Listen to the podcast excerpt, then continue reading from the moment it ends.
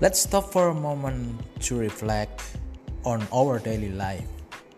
Get inside to share.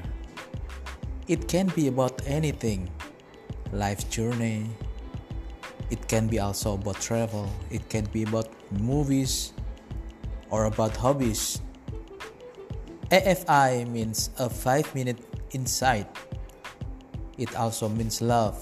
It also means never stopping collecting what is good to be shared for further improvement. Just take 5 minutes to relax and take a moment, then move forward for a better future.